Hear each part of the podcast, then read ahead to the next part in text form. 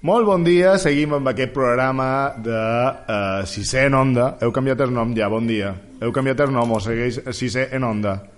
Sí. Sí, vale, és que l'altre dia estaven encara dubtant a veure com se deia, estem aquí a Sisè en Onda, aquest programa que se fa des del CEIP ses corterades, a Calvià, amb els alumnes de enguany són de sisè, l'any passat eren de cinquè, i, eh, i és el segon programa que fan. Avui tenim en nosaltres Ana Paula i Ana Marta, que ja són expertes en aquest tema de ràdio, i tenim en Rebeca, que eh, és nova en aquesta classe i en aquesta escola, crec que també. Així que a partir d'ara comença sisè en Onda. I ja tenim a les tres aquí preparades, Ana Rebeca, Ana Paula i Ana Marta. Hola, bon dia. Hola. Què tal, com estàu? Bé. Molt bé, i de què, amb què començam? Co començarem amb unes preguntes que li han fet a la nostra nova companya, uh, Rebeca. Molt bé, i de venga, tot vostre. ¿Te gusta el nuevo colegio? Sí, mucho.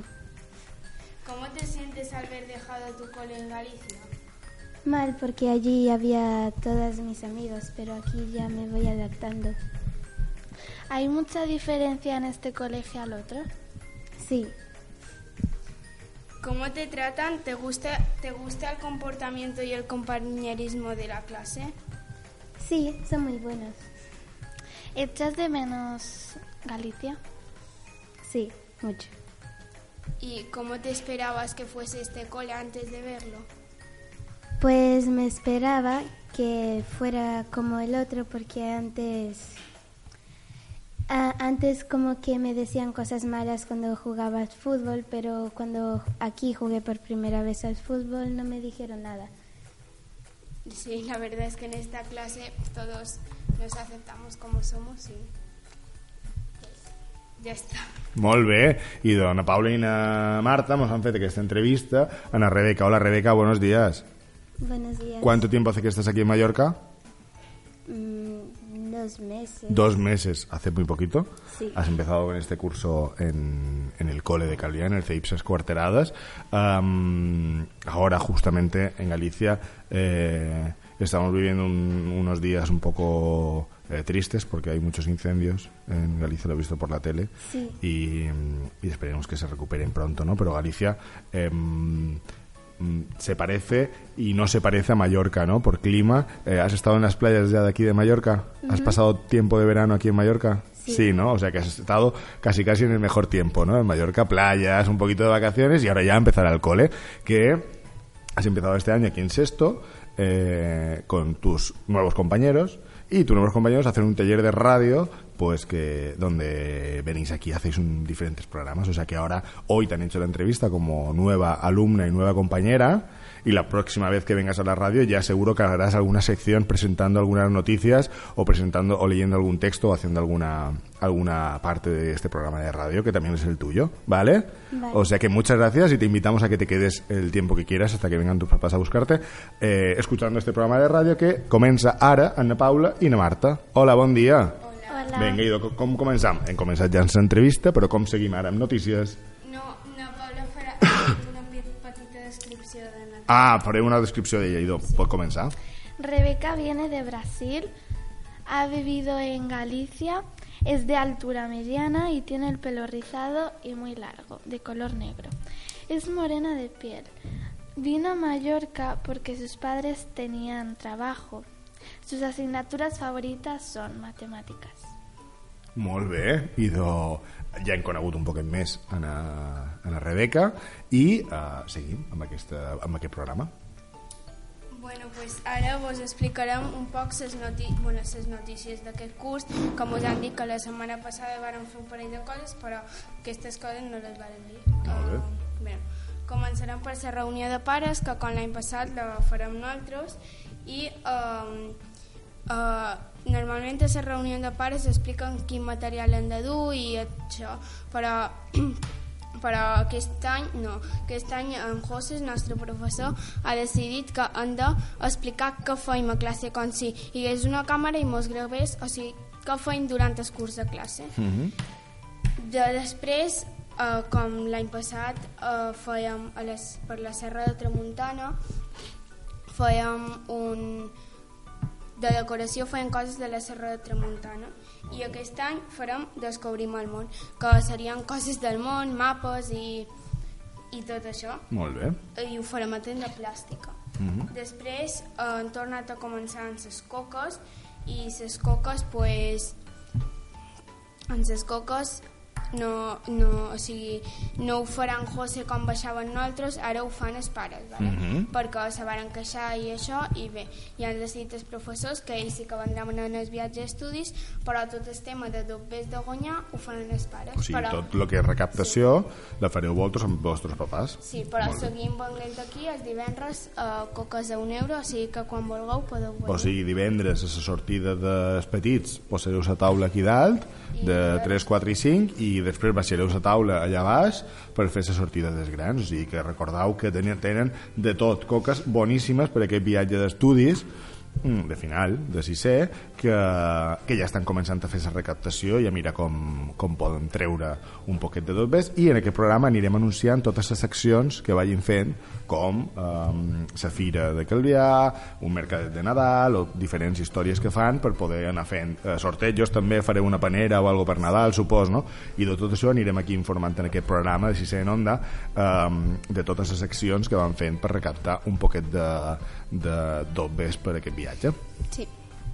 Molt bé, què més? Uh, després, aquest any ja no seguim amb Bometlàndia perquè l'any passat va ser un pot desastre Sí. i han decidit, uh, bueno, en José sobretot, que no seguim amb Bometlàndia i farem coses divertides a plàstica amb Descobrim el món. Molt bé. I després, i després uh, les estratègies que les estratègies que empleam aquest any són les mateixes que l'any passat, però uh, aquest any quan llegim un llibre li han de, li han de, li han de donar una estratègia, val? Mm -hmm. li han de o sigui, escriure una estratègia i li han d'ensenyar en José, perquè l'any passat no se sabia si s'havia llegit el llibre o no, i el final en José me'l va demanar un diari on posem estratègies i quasi ningú tenia res. I doncs aquest any hem de seguir llegint 12 llibres però fent estratègies i ensenyar-los, si no, no bé. poses paper. De cada llibre heu de mostrar les estrelletes que heu fet servir. Molt bé. I les notícies ja hem acabat i ara uh, farem una la secció lectura. de lectura que Molt fem bé. cada dia, que llegim una lectura pues la farem entre nosaltres dues. Molt bé. I de podeu començar. El espejo. Érase una vez un poblado situado en las altas montañas que tenía la particularidad de no conocer el mundo de los espejos. Por alguna razón, ningún habitante de aquella comunidad se había visto reflejado en uno de ellos, debido quizá a las lejanas distancias que los separaban con el resto del mundo civilizado. Un día, Ismael tenía fama de curioso. Decidió adquirir ese misterio, cosa llamada espejo. En él, que según decían sus antepasados, tenía la capacidad de reflejar a la persona que lo miraba. Así pues, Ismael se encargó uno de estos objetos a un comerciante que cada siete años solía viajar a los valles. Pasado el tiempo, el comerciante le hizo llegar su encargo bien envuelto y protegido.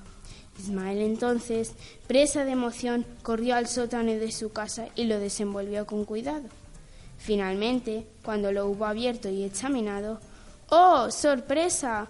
Ante su asombro, en aquel extraño eh, objeto apareció la imagen de su padre. Ismael, atónito, lo volvió rápidamente a envolver y se retiró, se retiró visiblemente pensativo y perturbado. Aquella noche, mientras dormía junto a su esposa, se despertó inquieto y decidió volver a mirarse en el espejo, el espejo recién traído, para lo cual descendió silencioso al sótano. Tras desenvolver aquella extraña cosa, volvió a contemplar de nuevo, no sin asombro y sorpresa, la imagen de su padre. Y así, noche tras noche, Ismael descendió sigiloso al sótano con el fin de asistir a la aparición de una imagen que no cesaba de repetirse y que tanto le emocionaba.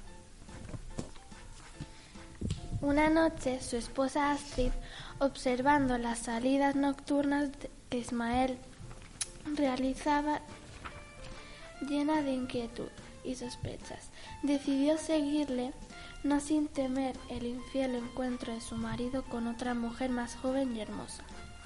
Cuando observó que éste gesticulaba ante un oscuro rincón de la estancia y se retiraba de nuevo a su cama, tuvo deseos de comprobar qué era aquello capaz de inquietar tanto a su pareja. Seguro que tendrá que ver con otra mujer, pensó.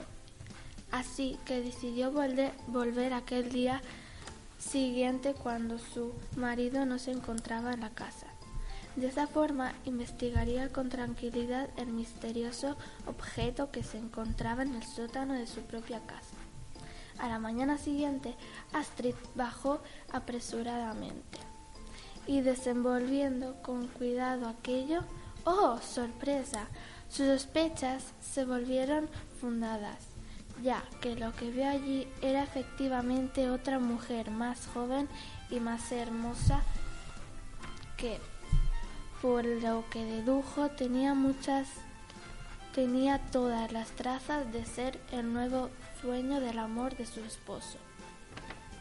Aquella noche, cuando Ismael llegó a su casa, Astrid, presa de indignación, le desveló el secreto diciéndole ¿Estás en un... e-? No. Me estás siendo infiel. He descubierto que todas las noches bajas al sótano y contemplas a esa mujer que aparece en el objeto que guardas, envuelto con tanto cuidado. A lo cual Ismael contestó, Estás, en error, Astrid. No se trata de ninguna mujer. Ese objeto es un espejo que, según se afirma eh, en tierras lejanas, refleja cada cual, pero en este caso, sorprendentemente, lo que se contempla cuando, cuando él me refleja es la imagen de mi padre. Ni hablar, le interrumpió ella, presa de agitación y cólera. Me estás mintiendo. Yo he visto con mis propios ojos la imagen clara de otra mujer, que por la forma de mirar y moverse tenía todas las trazas de ser tu amante. Bajemos y comprobarás que no es cierto lo que dices, repuso él. Es mi padre el que se aparece en el objeto. Ninguna mujer ha visto jamás en el en el eh, ninguna mujer he visto jamás en el mismo. Astrid asintió a la prueba y una vez que des- descendieron y se observaron Ismael seguía viendo a su padre y Astrid a la, a la joven muchacha, con lo que el conflicto y la confusión inundaron aquella casa. De pronto Ismael propuso, Astrid, solicitaremos el fallo del sabio anciano. Seguro que su visión nos permitirá hallar la verdad y recuperar la cama. Astrid aceptó el juicio del anciano y ambas se dirigieron hasta el mismo hasta el mismo y expusieron su con- contra contrariedades, pidiéndole que se asomase al objeto y dirimier, dirimiera si lo que allí parecía era el padre que viera él o la joven mujer que contemplaba ella. El anciano asi- asintió y tras llegar a la casa y reflejarse en el objeto dijo, ni el padre de Ismael ni la mujer que sospecha Astrid. Aquí lo único que se ve es un anciano. Molt bé. I de quin llibre és aquest test, ho sabeu? Uh, crec que l'ha fet en José, però no ho sé. Ah, és un test d'en José? No, ah. crec que sí, però no estic segura. Ahí ho podem demanar a veure si és eh, a veure de bon és, si és si pertany a algun llibre o algo o és un text eh, inventat per en José o és d'algú que ha fet aquesta, aquesta narració. Molt bé, na Paula i na Marta són els que avui m'ho fan aquest programa de um, Sisè en Onda i eh, passam ara a una pregunta al públic. Sí, Què i teniu? volem fer, bueno, una pregunta que ens va fer en José Sí. l'altre dia, Mhm. pues li van fer una pregunta i, i varen, pues... Vosaltres li vareu fer a ell o ell vos, vos la va fer a Ah, sí, vosaltres? ell ens va fer una pregunta i mos, bueno, me va fer una i l'altra setmana una altra i hem decidit que nosaltres vos la farem a tots Ah, vosaltres molt que bé. esteu escoltant aquest Que bé, programa. pues, Bueno, endavant. la primera és... Um, ah, no, bueno, sí, sí, és la d'una Paula. ¿Serías diferente si, tuvi- si tuvieras un nombre diferente? O, bueno, primer bé, quin nom te posaries? O sigui, quin nom te posaries si, per exemple, les llistes de registre se cremassin i tu tinguessis que posar-te un nom? Mhm. I després d'aquesta pregunta, quan ja l'hagis contestat bé i hagis pensat en si t'agradaria, eh, se Cadina Paula, si series diferent, si tinguessis un nom diferent. Hi ha dues preguntes. Una és si se cremassin ara les llistes, de registre i ningú sabigués que se nom cada un, quin nom es posaria, a veure si posaríem el mateix o triaríem un altre, i eh, en cas de que triem un altre nom, eh, la pregunta és si seríem diferents, no? Si seríem diferents de com som ara. Vosaltres què trobeu? Vosaltres què, què, què vareu dir? Vareu dir... Quin nom vareu dir vosaltres? Jo crec que vaig posar Paul... Bueno, primer Marina, Ah, però després en José me va dir i tu creus que el Marina te, te ferra? I jo vaig dir no. I me diu, i de quin doi? I li vaig dir, pues Paula o Laura, que, o Marta, que és com ja nom, però Paula o Laura. I després vaig pensar uh, si series diferent i dic que no, que el nom no té res que veure amb la personalitat, perquè quan tu neixes uh, ja tens... Bueno, el nom te'l posen el primer dia normalment Claro. i no t'ho posen si segons la teva personalitat la coneixes quan ja és més gran. Clar, el primer dia o mesos abans de, de néixer, o sigui que quasi, quasi. I, i tu? Um, me posaria el nom Clara. Clara, molt bé. I series diferent, trobes? No. Series igual. T'agrada més Clara i series igual. I no vos ha passat mai que de que a vegades vos presenten una persona i vos diuen mira, uh, aquesta nina o aquest nin non mm, Ramon, i perquè coneixeu una altra persona que se nom igual que aquesta persona um, I és diferent. i és diferent, podeu pensar que siguin prescuts o algo, però el nom vos afecta a vosaltres si coneixeu alguna No, persona. el que a vegades jo, això de que si t'aferra el nom, per exemple, quan, uh, quan te'l coneixes ja està, per exemple, en la Rebeca, Mm. quan me la van presentar, jo vaig dir Rebeca, però No. després ja l'he conegut i ara, claro que li ferra. Clar, sí. en el principi no- no- Però no en el principi, per ses Mm, no sé per què no, no, No li associes pensava el nom Rebeca, jo pensava en Paula i jo Clar. pensava com en se nomia Paula Clar. o, i era Rebeca I, mm, I no vos ha passat mai de que vos diguin per un altre nom? Molt de pics. Molt per de exemple, a vegades a tu pot ser que te diguin Paula, Moltes perquè la teva germana nom Paula, no? I a vegades Sí. pot ser que vos girin. Però jo no tenc germans. I jo molt de pics me diuen Rafael i molt, molta gent que no, que no conec de res, eh? I me diuen Rafael i, i jo no en Ramon. I és curiós perquè a vegades no me diuen Roberto, ni me diuen César, ni me diuen Carlos. Me diuen molta gent, el nom que més me batien uh, és Rafael. I jo a vegades dic, ostres, um, deu ser per algo, no? Perquè a lo millor o la gent coneix algun Rafael que, que, que se paregui o algo, però segur que, segur que els noms estan allà, estan allà per algo. O sigui que molt bé aquestes preguntes i ho deixem la pregunta oberta perquè la gent que ens estigui escoltant de tara se les faci si li agradaria tenir un altre nom i si és que sí, a veure si aquest nom nou li canviaria la seva personalitat. O sigui que molt bé. I doncs moltes gràcies. Teniu algun tema més que xerrar? bueno, una cosa, una petita cosa Ah, d'anglès digues. I, bueno, A l'assignatura d'anglès Mm. hem fet un sorteig amb tots els el que treballen a cola- aquí a l'escola Mm -hmm. i teníem que fer preguntes en anglès Mm -hmm. i ells ens tenien que contestar. Molt bé. I les heu fetes?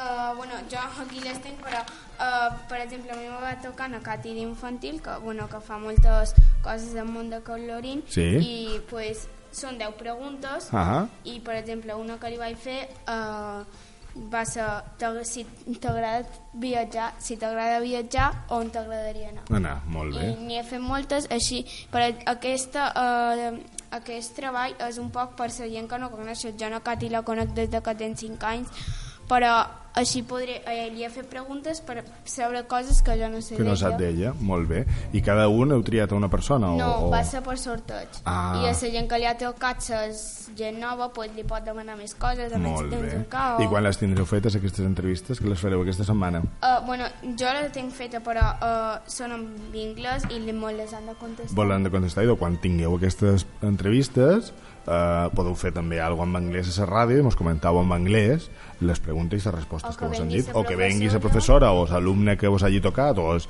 o la part mm, entrevistada que vos hagi tocat i li feu les preguntes aquí en directe vos pareix? Vale. I de molt bé, i de moltes gràcies a na Paula, a na Marta i a na Rebeca, que ens ha acompanyat avui de matí, avui en els principis del programa, que ens han comentat, li han fet aquesta entrevista i aquesta descripció d'ella, benvinguda, i a vosaltres dues, pues, fins a propera vegada que vos toquis a ràdio, moltes gràcies, ha anat superbé. Gràcies? Gràcies. Adeu. Adeu.